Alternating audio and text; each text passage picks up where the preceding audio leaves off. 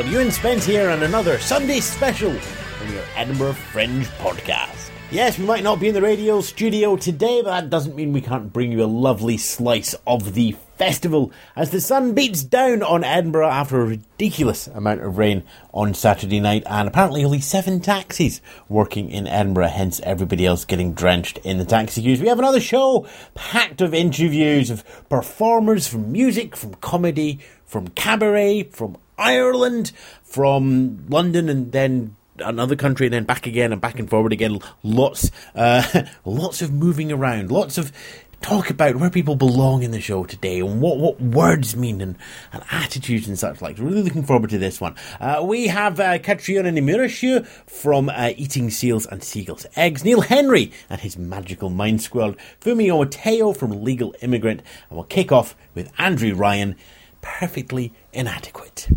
Now, that's the show title, not Andrew.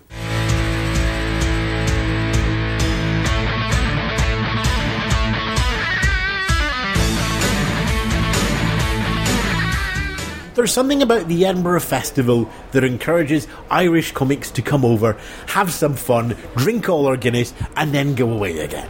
Uh, yes, but I don't drink Guinness. Are you going to go away at the end of it? oh, I'll definitely go away. Two out of three. There we go. We can round that up. There we are. All, all the boxes ticked. Andrew Ryan joins us on the show. Welcome to the Emmer Show, Andrew. Ah, thanks very much for having me on. And of course, as highlighted there, Irishman through and through. Yes, 100%. Born, reared, and then, like all the other Irish people, left. Born and reared. He's been held over the oven for a small amount of heat by his mammy before being packed off into the world. Yeah, that's what it is. But I've been living in the UK now for 12 years, you see, so I'm emotionally withdrawn from Ireland now. I kind of I have no real identity there anymore. I have a passport and an accent. I don't have a vote, and I don't have a bank account.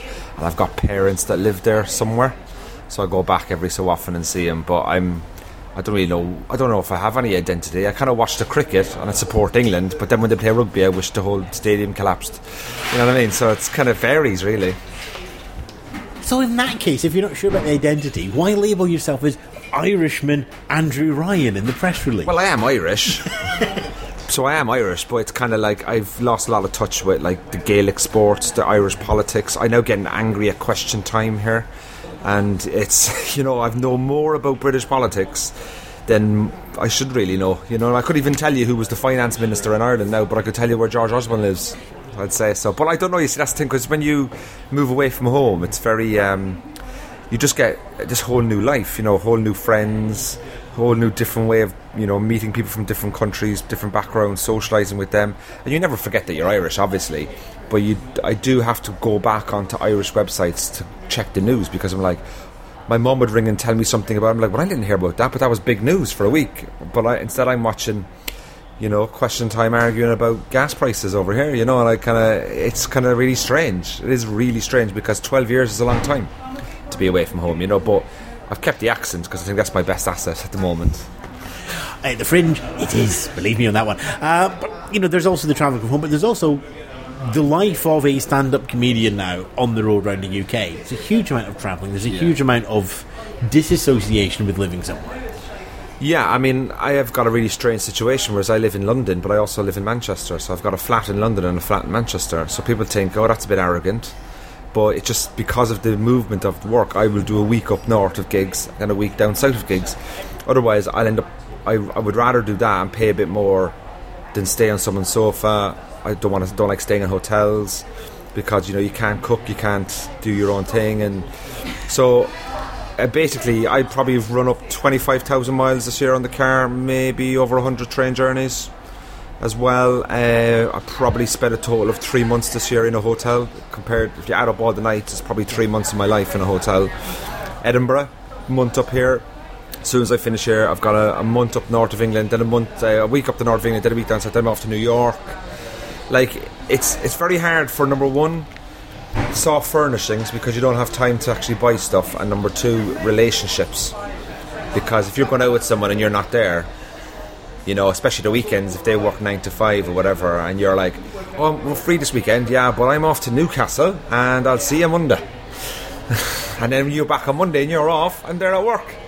So you got to meet someone that's like you know flexible and that's I'm lucky now. My girlfriend is a photographer, so she works evenings, so she gets the whole creativity. Whole- whole- yeah, and there's, there's gigs happen in the evenings Yeah. and bigger gigs happen happen at yeah. weekends. So it's fine that way, but I did struggle with that for many, many years. So will, will she pop up to Edinburgh and do some photography work up here? For, she's coming up on Sunday for four days, and then she'll come back up the last week. So I get I get her for a few days, and then she gets a break, and then she will come back again. So, whereas in previous years, I've always like had to say, oh, okay, I'll see you in a month because the other person has job and work and it's hard, you know. So it's difficult, you know. Like it is, it is tricky, but you know, it's it's tough, but also comedy is so wonderful. The, the positives outweigh the negatives, if you know what I mean.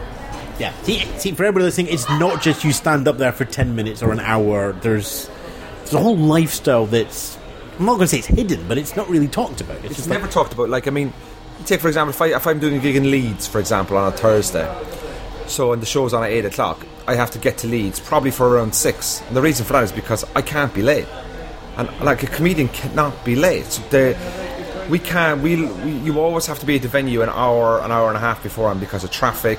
Then you got to get your train. Then you got to plan your day around your food, your eating. Then you got to. Are you staying in Leeds? Have you, have you got accommodation? You got to come back. So like for me to do just do an hour on stage, it could take me, you know, 32 hours just to do that because and I'm also away from home.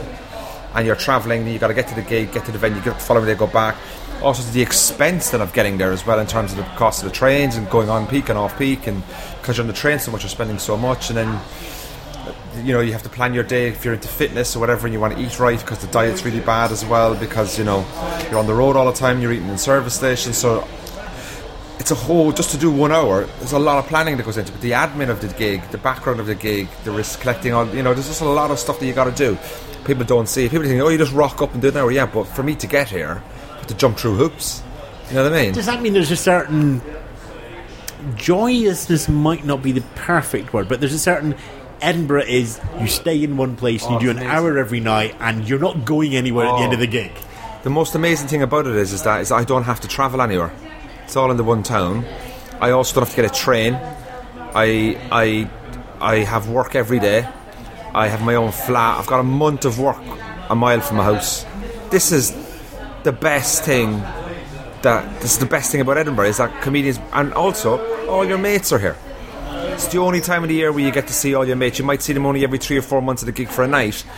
But now you're like, well, I'll see him tomorrow, and I'll see him tomorrow, and I'll see him, see her the next day, or whatever. It's great that way. It's a great camaraderie in comedy, you know. So the show itself, because we really should mention the show, we've Yeah. kind of this, this lovely sort of slowly and narrow and bring ourselves in. Um, perfectly inadequate. Yes, perfectly inadequate. Basically, Did, did, did you give it the name or did your girlfriend give the show the name? uh, I think my parents did. Uh, no, I uh, I came up with it because I've made a lot of mistakes in my life. Nothing bad. Like I'm talking like relationships, jobs, um, family. I've had a few run-ins with police in terms of breaking red lights and talking myself into more trouble. So I kind of I have a habit of overthinking and overtalking. I think that's maybe comes out to some sort of level of security or insecurity. So basically, it's about those small little mess ups in life, and I'm at the point in my life now where I just kind of accept it and go, well, "This is my behaviour," and I have to stop being so hard on myself. And that's basically it. You know, I, I always look at the bad in a lot of things, basically because I I have too much freedom. You know, like my generation of people, you know, have everything going for them. You know, we've we live in the most advanced technology time in the world. My granddad, you know, fought in a war. You know, all I've done is sign a petition against free roaming charges across Europe. You know, like we have too much freedom, and with that brings negativity and negativity and overthinking and laziness. And I think out of that becomes negative behaviours, and those then become ingrained in you over time. And it's the show is just about that, really. It's about like. You know, shows it's a good show. It's, it's been sold out. say, it's, it's, it's, don't, don't, don't make it sound too dark. No, it's not. like an hour of therapy. It's not therapy. It's not sad. It's very funny. It's just it's basically me messing up. And I've sold out the first two nights. We got nominated this year in Leicester as best new show, and um, the reviews have been great so far. People are coming. I've sold out again tonight now, and I'm getting a great reaction.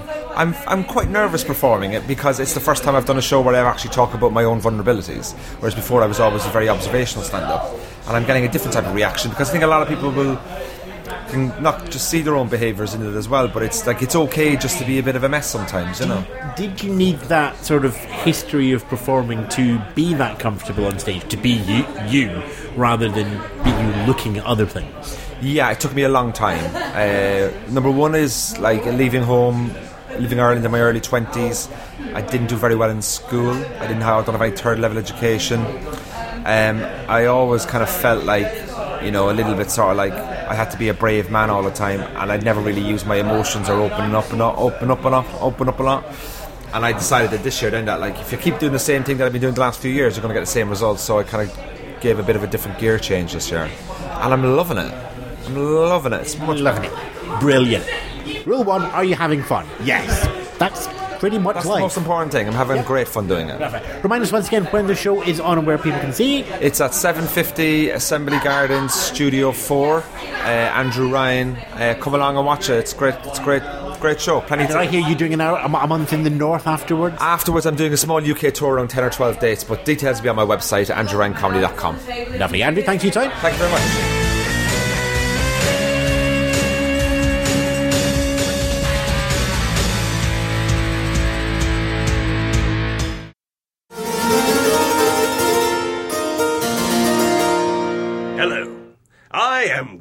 Seward, and I am reading from the Edinburgh Fringe Directory.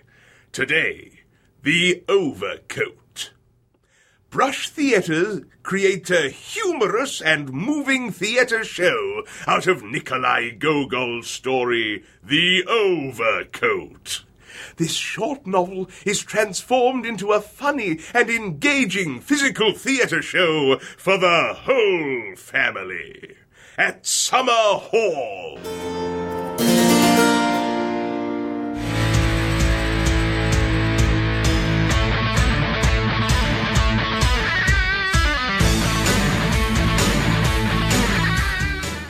Okay, here we go. I've been rehearsing the name, which means I'm going to get it spot on Right, right. when I introduce my next guest, Funmbi Omotayo. Wicked. There we go. See? Wicked, wicked. ah, let me do that. And the big secret, of course, is the Lion King. But Lion you will never know. You will never know. Right. That's that. I'm now gonna try and use that myself. And Mateo. Okay. You've given it away. What's the point of us trying to keep a secret in the my show? That's fine. Funmbi, welcome to the show. Thank you very much for Uh, having the me. show itself, Legal Immigrant. Yes, that's the name of the show. And it sounds politically charged. Right. It, it's not as political as it sounds. It's more of um, discovery. You know, um, being born in England and raised in England, then being taken to Nigeria for a period, and then coming back to England. So it's me trying to find where I belong, really. And that appeared when you were uh, we moved, emigrated, taken away, kidnapped, it's so funny. we were sold into slavery. under duress. Yes, by my own parents. Too close, too good. Don't go there. by my own parents. Yeah, no, it was um Sold back to your own parents. Yeah, but, but, well, right. it was a decision by my mum and dad. They figured we should get some culture. Um, we'd been in England for they'd been in England for a certain amount of time. Where in England? Um, London. Uh, Where in London? Hackney. Where in Hackney? Central Hackney. Um, it was Hackney, you know, typical, you know, your typical ethnic area of London. You know, at the time, you know, a lot of minorities had moved in there, and uh, it's funny because they they want to escape, you know, the hardships of their own country. And then he move to Hackney. You know, what I mean? it's like no one tells them. Oh, by the way, it doesn't. It's not any better over here. Tunbridge Wells. You'd be better suited for Tunbridge Wells. Go there. It'll be interesting. Yeah, you should try other areas. You want a material for when he's another 20 years older?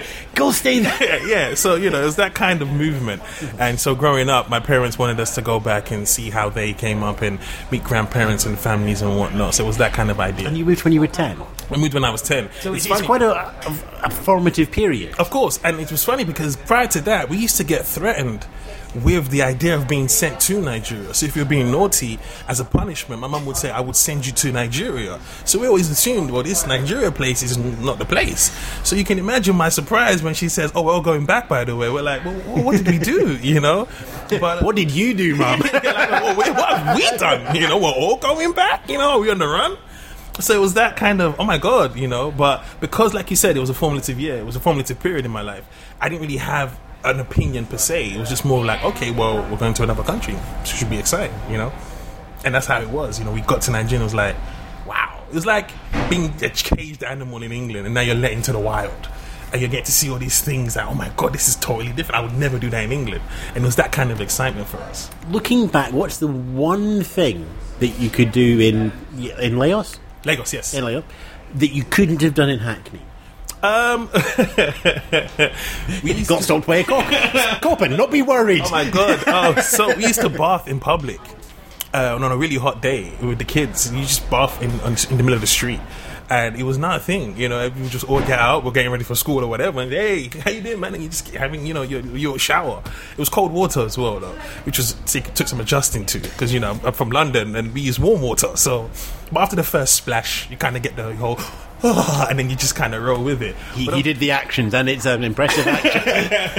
and it's, it's one of those. I should remember that. This is for radio, not for TV. So um, yeah, it was uh, th- those things there, you know, and um, you couldn't. Uh, the things you did for fun as well. So we'd chase lizards around for fun, for recreation, because they were in the, you know they were in the compound, and we figured we weren't doing that. You're in the compound. It's called a compound. oh, it's called the Yeah, compound. called a compound. Right, okay, so just suddenly now, you're really naughty. This is where you're staying.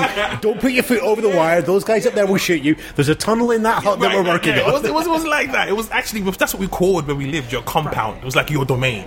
so, you I know. mean, so cultural references you must have got all Oh, mixed oh up my and. God. You know, even, talking to the show, you, I really have to remember. They're not going to know what compound might mean. So many Yeah. different things.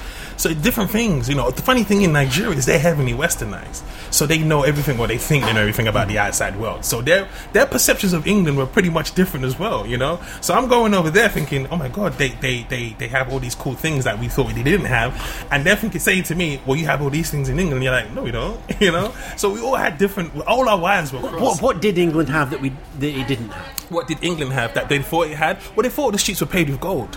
So they're like, you know, oh my God, you're from England. You must have a really big house. Well, it depends, you know. Depends. Well, the council haven't re houses yet, but we, we are at the moment we've got a two bedroom, so we're trying to work with that, you know. But they would think, oh my God, you must be living in a palace. And you're like, oh no, not at all, you know. It's not that at all. So that was what they thought. And when you'd get there, you'd think, you know, stuff like you know the Band Aid single. It's like, do they know it's Christmas? Oh, they knew it was Christmas. You know, Christmas was like celebrated like everywhere in the world. So all these things, I'm like, oh my god, they do know it's Christmas. Oh, wow, okay, this is great. You know, Apart from the bits of Africa that aren't Christian. right? They didn't care. They if it was don't care about Exactly, Christmas. Do so- they care about Christmas? Like, Should it be the follow up? about- Yes, that's, that should be the remix. Do they care about Christmas? Well, actually, no. You see, do they know it's Christmas is already a remix? Oh, right, right, right, right, right, right. Do you like Doctor Who? Yes, Right, well, you know the- not the- familiar with it much though. Yeah, you know the, the middle eight in the theme Yes, tune. Yes. That's the bit that they use for Band Aid. It's the middle eight of Doctor Who. Oh, I did. I see. I didn't know that. Which you didn't tell anybody. Right, he didn't say anything. you just got there and just went, "Ah, I don't know what to do. Yeah, yeah. Wham's coming in tomorrow. and Showaddywaddy. oh, fuck, I'll use Doctor Who. Nobody listens to Doctor Who Exactly. anymore. No, know the difference. You know, just put it in. You know, do they know it's Christmas, Doctor Who? Whatever. but yeah, The other thing is, you moved when you were 10. yes, Children are cruel. right. Children are very cruel. And you've just appeared Yes, in in Nigeria, Right. knowing strange things about, about England. Yes, yes. The thing is, I was fascinating to them because I spoke with this English accent. So the kids were like, You're like the bloke off French like, Prince of yeah, Bel Air. yeah, exactly. And they would all walk in and just ask me to say words. That's that was my job for like two years in the school. Hey, Funmbi, could you just say uh, jump again? You know what I mean? It's like jump. Yeah. You know, they were fascinated by the most basic words because of my accent, and they made me want to remove the accent. So I developed this weird Jim Davidson impression of my own people. You know what I mean? like I'm speaking with the how are you? And they're like, dude, you want to tone that down a bit? You know what I mean? So it just made me because I wanted to be my part. I wanted to be, I wanted to fit in. I didn't want to stand out. You know, so I wanted to be like them. I tried to do all the things that they did, but I'm a British kid.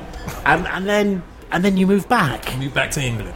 How old? I was 16 when I came back. So I'm not going to say formative years. The years where you would um, be um, more exploratory with with, with life. yeah, with know, life. So I, with life, yes. Let's go with yeah, life. with life. And you know, you come back to England and you have that background now. You have that, you know, going to uh, being around pe- just predominantly black people. So there was no race issues, more of a class system in Nigeria. Yeah? Yeah, very class system. Rich, poor, that's it.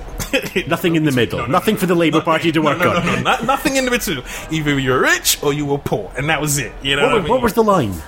The line was it was a, it was a big it was a really thick line. I mean, there was a massive difference between the rich and the poor, even in the way we they treated each other. You know, we laughed at the poor kids. They laughed at the poor kids. I didn't laugh at poor kids. I could blend in both worlds because we weren't rich, but because of the accent where we came from, we could hang with the rich kids and we could mess with the poor kids. We were just in between. We were the link, you know. But um, it was a massive class difference in Nigeria. So when you come back to London. It, there's, when you come back to England, there's a class system in England, but there's also other factors in, in the world that you're dealing with.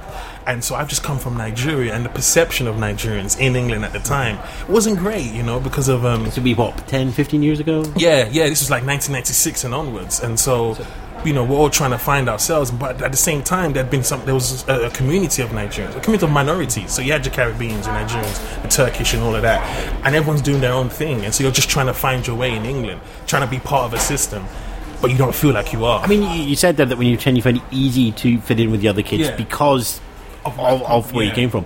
What was it like trying to? f- I mean, was it a case of trying to fit back in, or was it a case of just in trying England. to? Yeah, coming In- When I back. came back to England, I didn't want to. Most of the kids, so kids who had come from Nigeria who had never lived in England before, Hmm. so they just first come over to Nigeria. Very obnoxious, very annoying, very brash, too much for the English public. So a lot of the kids in my school didn't like Nigerians because they were very, you know, loud and really just some, sometimes rude. And I didn't want that stigma because I lived in England and I didn't have, I wasn't as loud like that. You know, I knew how to be around. I didn't have to be British because I've been here. And so when I first came back, it was normally observ- observing, trying to get back into that rhythm, knowing that I'm not in Nigeria no more. You know, I'm now back in England. I have to, you know, and funny enough, my accent just changed again.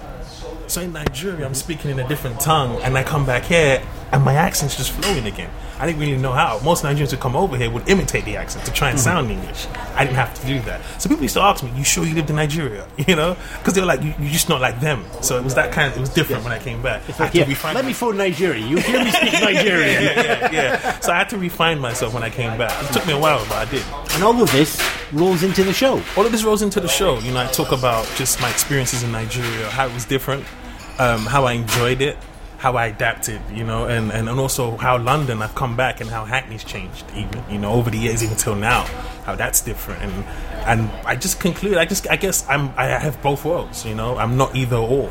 Because in Nigeria, I'm not Nigerian enough, and over here, I'm not British enough. So I just say, you know, I'm Funmbi, you know, and this is who I am. Does that disappoint you when you have when you, when you just say off the cuff, "I'm not British enough"? it doesn't disappoint me because I think at the time when I was growing up, it probably would have. But when I look at life now and how I am now, we play so much on labels and where we belong, and the only, the only thing that links is we're humans. Doesn't matter where you're from. You know, we play so much. I'm British. I'm American. I'm this. But you're all human beings at the end of the day. So it doesn't matter where we're from. You know. And I had to understand that because I'm not because I could get mad and say I'm not British enough, but then I'm not Nigerian enough.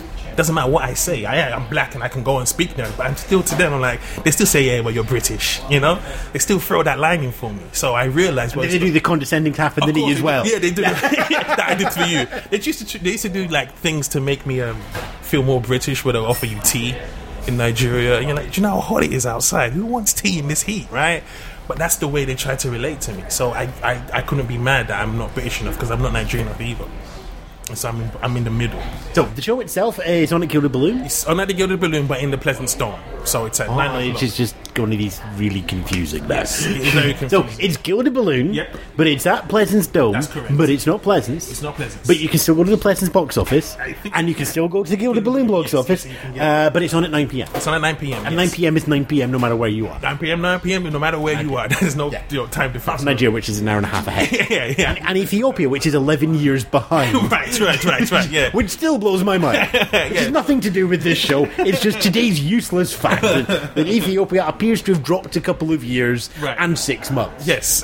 If- So when they go, do they know it's Christmas time? They go, no, it's July. Christmas is in six months' time. exactly, exactly. But yes, Tie it all back. it was um uh yeah. You can come out and see the show. It's fun, man. I'm, I'm having fun with it. Tommy, thanks very much for your time. Enjoy your time in Edinburgh. Um, and if you don't want to go anywhere else, stay here. We'll have you. Thank you very much, man. Really enjoyed it.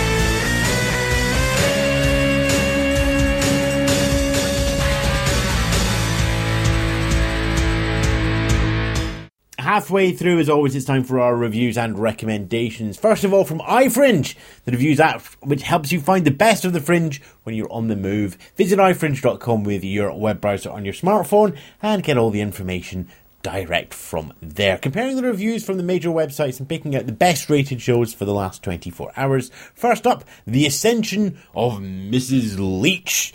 It's a free show starting at 9.55 Greenside at Infirmary Street. The 74 year old Mrs. Leach dies and goes to heaven, but isn't happy with what she sees and ends up taking over from God. Five stars from Fringe Guru for a delightful production with stunning professionalism, and five stars from Broadway Baby also for a cleverly constructed comic plot that includes moral and philosophical debates. Also from the iFringe team, Trygve Wakenshaw's The Kraken. I can pronounce the word Kraken. It's all in capitals as well, so you have to be quite impressive about it. 6pm at Underbelly Cowgate. Back after an acclaimed run last year, a stream of conscious physical comedy, mime, and clowning around gets five stars from three weeks for daring, side-achingly funny, and constantly engaging. And five stars from Broadway Baby, consummate performer who has the audience lapping up every drop of cream from his imaginary saucer of laughs. To get iFringe for iPhone or Android, just visit ifringe.com. We also get our look at what people are searching for online from Broadway Baby, which you can visit at BroadwayBaby.com. First up, the most reviewed in the last 24 hours is Book of Love, playing Just the Tonic at the Caves at quarter to five every day through until the 29th, but not on the 25th. As always, these things, uh, check your listings for details. EdinburghFringe.thepodcastcorner.com will have direct links to all these shows and more, so you can go straight to the ticket office. The Book of Love is Lindsay Benner, uh, and what you would get if Lucille Ball and Charlie Chaplin had a love child who likes to juggle. After successfully touring the show across the US, Lindsay is excited to bring her show to the Edinburgh Fringe audiences for the first time. Book of Love, playing the Caves and Just the Tonic, quarter to five through until the 29th and not the 25th. And then there is Stephen Tobolowsky's one-man show, The Tobolowsky Files, playing the Pleasance at 5.20 every day right through until the 31st, as Hollywood character actor shares some of his hilarious, moving and profound stories about life, love, and the entertainment industry. Bringing the podcast sensation from 2009, oh, he's just a young thing, bringing that wild and crazy adventure to Edinburgh for the first time. The Tobolowsky Files, Pleasance at 5.20 through until the 31st of August. Right then, back to the interviews.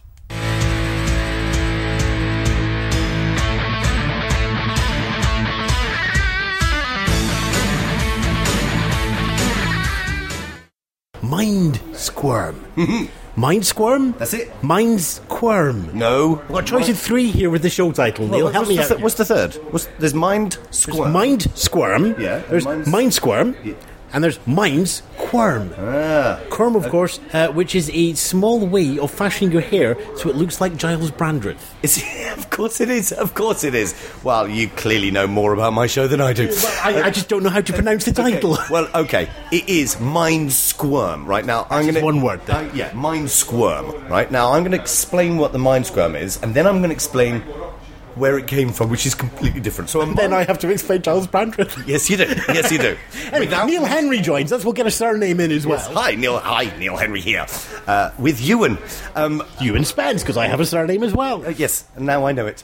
Um, uh, so yes, mind squirm. Right now, a mind squirm is when you, you know, when you do it magic, you, you, you experience a magical thing, a, a magical happening, and your brain is, uh, you know, a good magical happening, and something happen, maybe something vanishes, or maybe something appears, or maybe something is read from your mind, or something happens, and- it leaves you in this. What, what, hang on, hang on. What, what, what has just happened? You're in this confused sort of state of astonishment, and at that is a reaction to a magic trick. However, if you are in the middle of that, uh, what, how did where did that where that and then suddenly I come along and kick you in the nuts with another one? That is a mind squirm, and your mind is squirming. Now, Now, the I, I did notice there one thing, which was you called it a magic trick. Yes. Now I know from experience that there are some magicians who don't like them to be called tricks. Well, that, that they might be referring to their stuff, um, but um, uh, th- yeah, that's yes. Well, it is tricks. I'm a deceptionist. That's what I'm doing. I'm I'm I'm tricking. I remember them. They fought the Autobots in the Transformers film. No, they were Decepticons. yes, it is good. Um, um, but so anyway, the, the, that, that's a mind squirm. Now, now where it came from is in the old days. I used to, well, the old days. I'm talking like five years ago. I used to own a magic shop in Covent Garden um, uh, called the Magic Cave. Now we used to sell these little, these little. Do you remember those things? Those little little furry worms. They were called squirmles. Oh, and they- they- they were in a bit of invisible a thread, and there's the thread, H of they- cardboard They and- wiggle around your fingers, and all the kids love it, you know. So we used to sell these, and I used to call them squirms. Little squirms, and I had a little army of squirms that um, uh, I had all as, as kids would come up to the shop to buy stuff. I'd demonstrate this squirm. So squirm has kind of been in my vocabulary repertoire uh, for years, and then things just as you know when you're messing around, you know, you you mix words up and instead of it being a, a you know a, a mind fry or a brain fry, I just thought mind squirm. I thought it was well. I've just talked for ten minutes about the title of the show, so there you go. Who's Kathy Nesbit? What? Who is Kathy Nesbit? I I don't I. Is this a daughter I don't know about? No, it's it's the person who owns Squirm on Twitter. Oh my! Squ- I don't know. Oh, right, okay. Twitter.com slash Squirm. Kathy, Nesbit. There she's here. Nesbit. She- Kathy Nesbit. She, she apparently she creates worms for soil production and sprouts for eating, and is ah! playing an increasing role in solving world hunger. I love her. I love her. Kathy Nesbit. This goes out to you at Squirm in Toronto. in Toronto. Wow, a Canadian squirm. I love it. There we go. Yeah. You've learned something. You're one learn new Yeah. thing every day. Yeah, thank you very You're a much. fan you never can, knew. I, can I just tell you guys? i uh, Ewan doesn't have a computer. He's got this in his. He's got the. He's lying. Not afraid. Dis- not lying, deceiving. Deceptionist. Yes. I like that. That's next year's title. Uh, maybe, maybe, Maybe. Just see who's got that on Twitter as well. Actually, I don't. I don't know whether it, I don't know where it can be because there's a fantastic magician uh, called Ian Saville, and he calls himself the Deceptionist. So I don't want to encroach on his. because territory. the magic community is quite quite small and quite tightly knit in terms of possessiveness is the wrong word. Uh, re- respect for other magicians and material and presentations.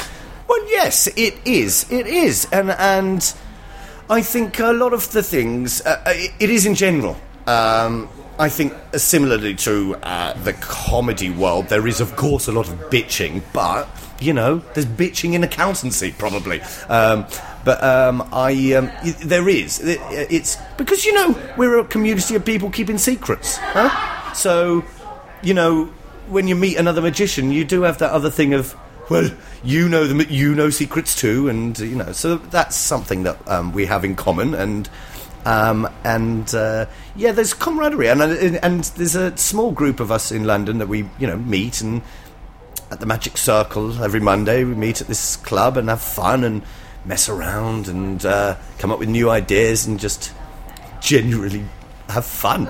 And yes, it's, it's a lovely community. I love the magic world. Yeah. Is, is there anything?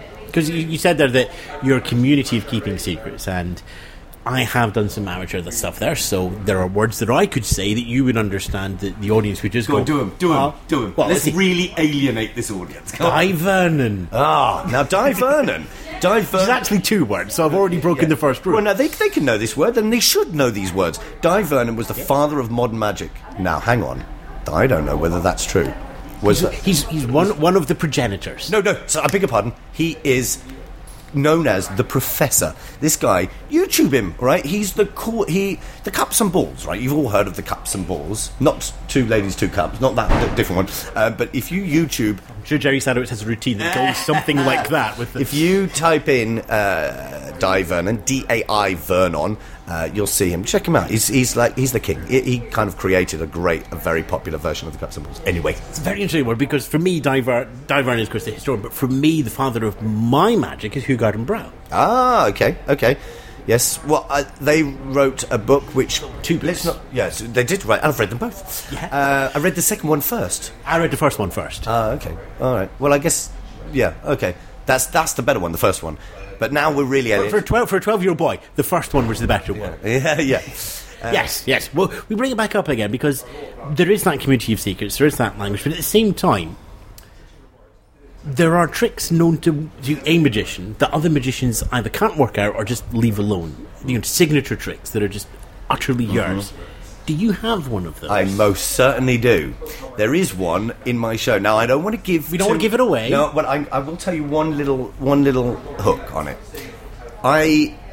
It involves alphabetti spaghetti, and that's all you're getting, folks. But trust me, it's pretty unbelievable.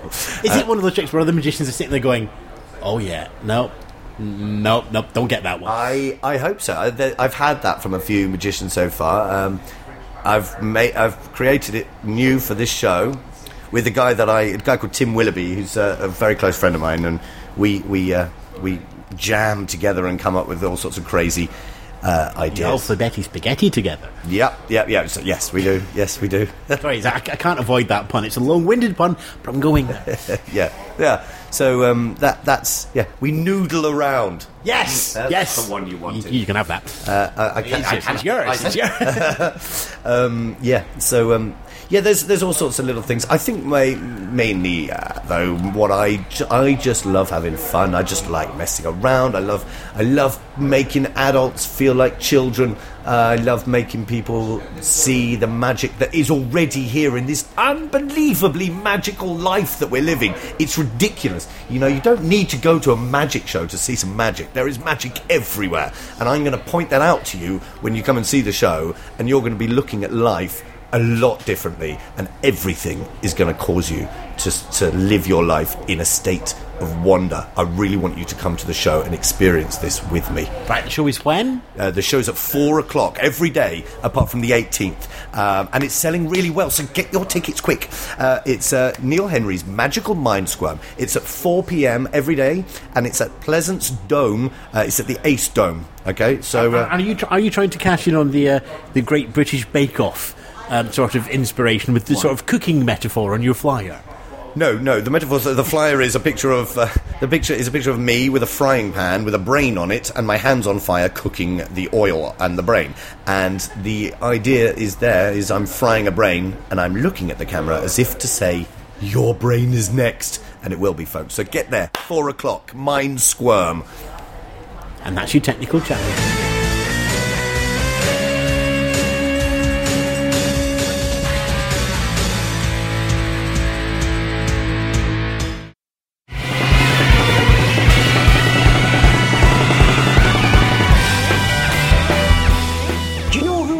Myself on? Who do you model yourself on? Robert De Niro. Go on, interview me. Hello, Robert De Niro. What are you doing here in Edinburgh? Are you talking to me? Yes, I'm talking to you. Oh, I cannot be. We, we are the Scottish Falsetto Sock Puppet Theatre, and so am I, and so is he. On every night at ten thirty at the Gilded Balloon.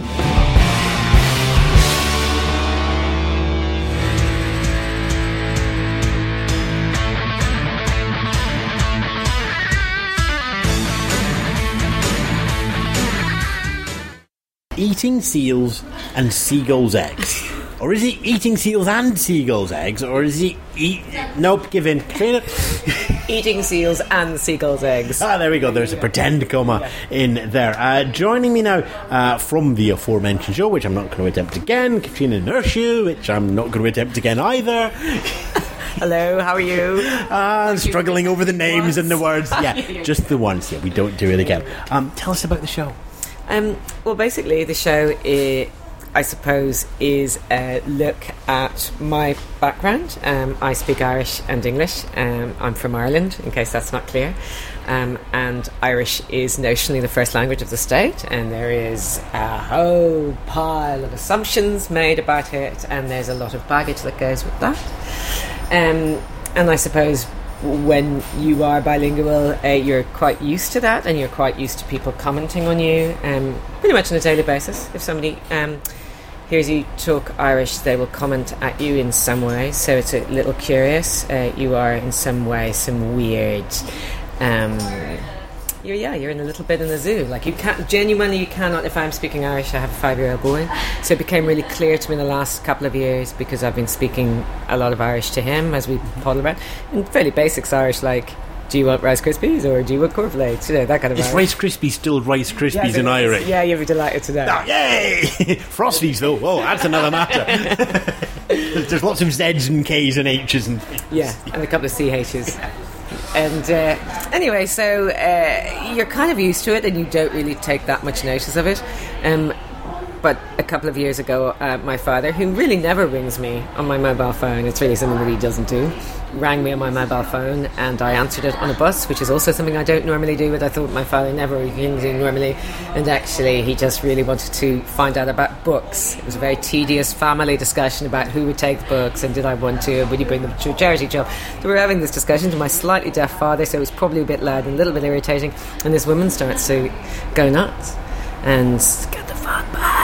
Go your own fucking country. You're taking our jobs. What are you doing? It's the likes of you. And I, and I was going, oh my god, she's actually she's talking to me, and she's talking to me because she thinks I'm presumably Polish or something. Uh, just to explain why, it's just that I've you know, long red hair and stuff. So it's possible that I would be from that Russian-y end of the world, and um, and I was just really sh- shocked by that, but also I thought it was hilarious. Obviously, Uh, it was a very funny thing to happen, but really curious when I started to really think about that. And so you think I've become so removed in a way, or that my background is so removed from daily life in Dublin that actually somebody would racially abuse me, thinking that I'm a foreigner. And it's a kind of curious position to be in in your own country when you're. And, and so, so there's that moment, and uh, there's now the it's on stage at the Fringe. So there's um there's a big gap of forming and storming and norming in the middle of there Yes, there is. to go for the old management jams because I've not done that yet this year. Uh, yeah, I suppose there is. Um, and so, uh, look, I was uh, that happened. Um, there's a very famous uh, woman called Peig Sayers who most Irish people would know. I'm not sure how many, but there would be equivalents in Scotland. Um, probably St Kilda's that you know in that end of the world folklorist. Highly rated by the New State when it was first established. Um, she uh, had a book which was put on the schools. Everybody hates her. Everybody knows who she is. She gives out a lot about her life and various children dying. In the book, um, and at around the same time that the racist incident happened, ugh, that sounds a little over dramatic. The incident with the lady happened. Um, there was a competition actually for Doctor Who that you could get on the Doctor Who set uh, if you came up with a reason why you would want to travel back in time. And it was just done on the RTE and the radio. And uh, this man who won rang in and said, Actually, I'd like to go back in time so I could push fucking Peig Sayers off the cliff. And it was funny, but it was also just like, really? Is that still happening? Like, really? Why do we still hate her so much? And I suppose I just started to look at both of those things, and I started to look, go through all this newspaper archive, and and then I started to realise actually, probably around once a week, there's something fairly negative written about Irish speakers or Irish language, or you know, and you start to realise, oh yeah, there probably is a reason why I don't really notice the commentary. And it's not always negative. Sometimes it's gorgeous, but it's just that you are commented on. So um, I put those things together, and I thought, in case I get too po-faced uh, or anything about it, because that would be horrendous. Let's peel our eyeballs off. I started looking at the state, and I just threw it all in, and I collaborated with a very, very wonderful visual artist called Adam Gibney. He's uh, a really humorous visual artist um, who works a lot with language and sound and the breaking down of sound and language and what that is. Um, but also fantastically not po-faced, and it's about making that work very accessible rather than going up the other end that three people can go, oh, I know what that is. Um, so it was about opening it up and seeing what happened, and I suppose we kind of threw the kitchen sink at it in one way. because it's quite a, a technical show to go on. Very, It's not. It's not just let's go on stage, black, go talk. There's more going on here. Yeah, there's a lot, and we were very, very lucky that we got a lot of access to archive and the people that um, we were allowed to use it. So we have literally film that nobody else has ever seen of the Blasket the RTE archive. No, it was the No? sorry. That's uh, it was the Blaskets. Uh, the Blasket Island has its own archive and its own, uh, which at the time was also a very controversial building, which is an interpretive centre. So an interpretive centre was built at around the time that the Blasket Islands were potentially to be sold to either an American billionaire who wanted to build a rugged hotel on it, or indeed NASA came over at one point to see whether they wouldn't have um, a rocket launching site, uh, kind of a little mini Cape Canaveral off the west coast of Europe. So the Blasket says it's kind of a really rather interesting history in loads of ways, and it's everyone has passed through at some point for some reason, um, and uh, so we anyway we have all of this footage uh, from the. Uh, Blasket Centre. Uh, we have I have went through copious state archives. I'm a historian. I did history in college, so that was kind I actually finally got to use it in a real sense. I was delighted with myself. I was emailing my tutor, going, "I have actually used this now," um, and we discovered, well, I discovered a lot of stuff that hadn't been seen before actually in those archives, um, and so I gave all of that to Adam, who's created very beautiful visuals with it, um, and then we've got these ex-aging rockers uh, who band together occasionally uh, in a loose collective uh, to do sound composition for stuff. So they've done the sound for it, and the whole thing of the sound was that you wouldn't. Uh, we we've only used one library sound. Uh, everything else, like the waves, were done by the bassoonists from the National Concert Hall breathing in backwards through their bassoon and stuff. And Shingle Sounds was done with dirty guitars in the as one person sat in the back of the piano with the cover off and stuff. So it was all of that stuff, um, and that makes it sound a little bit off center. But it was really just to have fun with all of that. So the idea was that we have fun with all of this stuff and see where it brings us. So how serious is it from a, from a from the sort of scale of um, oh how you say from a from a from a scale of Waiting for Godot to Pat Kenny hosting Eurovision? Where would it be? Well, I would hope it's probably a little bit more serious than Pat Kenny hosting Eurovision. Most things are more serious than Pat Kenny hosting Eurovision. I was thinking, what's the lowest level I can go? How high up is it from that? Speaking of Eurovision, my, one of my first ever jobs when I was a child was actually continuity announcing. I am the last ever InVision continuity announcer for RTE. Yes, I am. Nice. Nearly hosted the Eurovision. Yes. Yeah, we'll put the mic off because we know things about Pat Kenny that you're never going to hear recorded. We move on. That is true. Oh, we know it's true. We can tell. I've seen eyes like that before. We digress. Move back. Garrett, you're liking this one now, aren't you?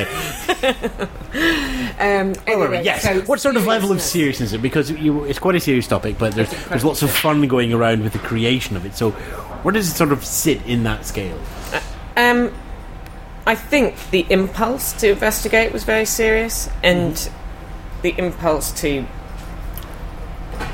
see where that would bring me and an audience is quite serious. But the doing of it is quite playful and quite light. Right, And so there it's, are it's, rel- it's, it, it's not a difficult play to watch. Think so. I mean, we've had uh, there are three audiences so far. Have been incredibly appreciative. Yay! Yay! And uh, yeah, indeed, uh, you know they're not, and they've really liked it, and they've gone on it because I really wasn't sure. I mean, I was kind of su- surprised. Is that sorry, Pleasance? But I wasn't entirely. I kind of I was like, why do you want this in the Pleasances, and why would you invite it? I didn't. You know, I thought it was a show for Dublin, really. Um, but I suppose it does obviously have a lot of resonance in Scotland in terms of all that nationality, state, language, immigration, all of the tropes in a way. Um, uh, but I think they liked how we did it. We we've it's we kind of structured it a bit like a dance piece.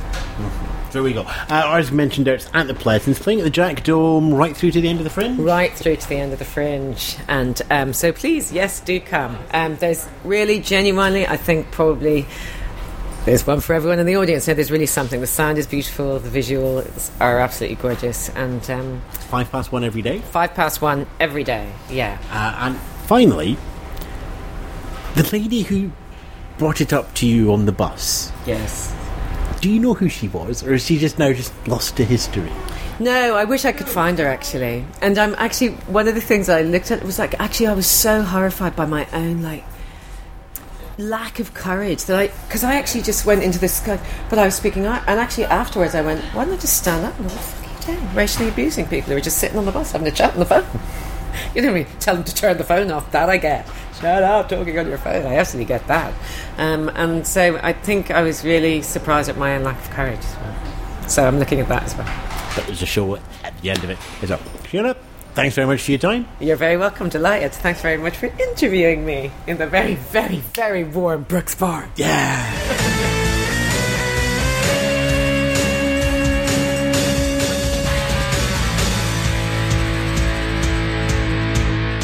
And that's your Sunday special from the Edinburgh Fringe Show today. Thanks for listening on the podcast. As always, you can leave your review back on the podcast directory in iTunes. We'll be back again with the show live tomorrow. Uh, listening at showradio.org or radio6.com. You can handle all our syndication. Thank you for that. And of course, listen again to it on the podcast in your web browser, however you want to do it digitally. EdinburghFringe.thepodcastcorner.com. I'm Ewan Spence. It's back into the fringe. It's back into the sun. Not that I actually believe the sun exists at Edinburgh. I believe it's just being made up. Uh, but it doesn't matter. Get yourself into a dark room. Get yourself with the heating up, the air conditioning off. Go see some theatre. Go see some comedy. Go see some fun. Go see some amazing acts. 3,360 to choose from. If you're in Edinburgh, I'm sure you can find a handful. And if not, well, you've got some selections from today's show. So, for now,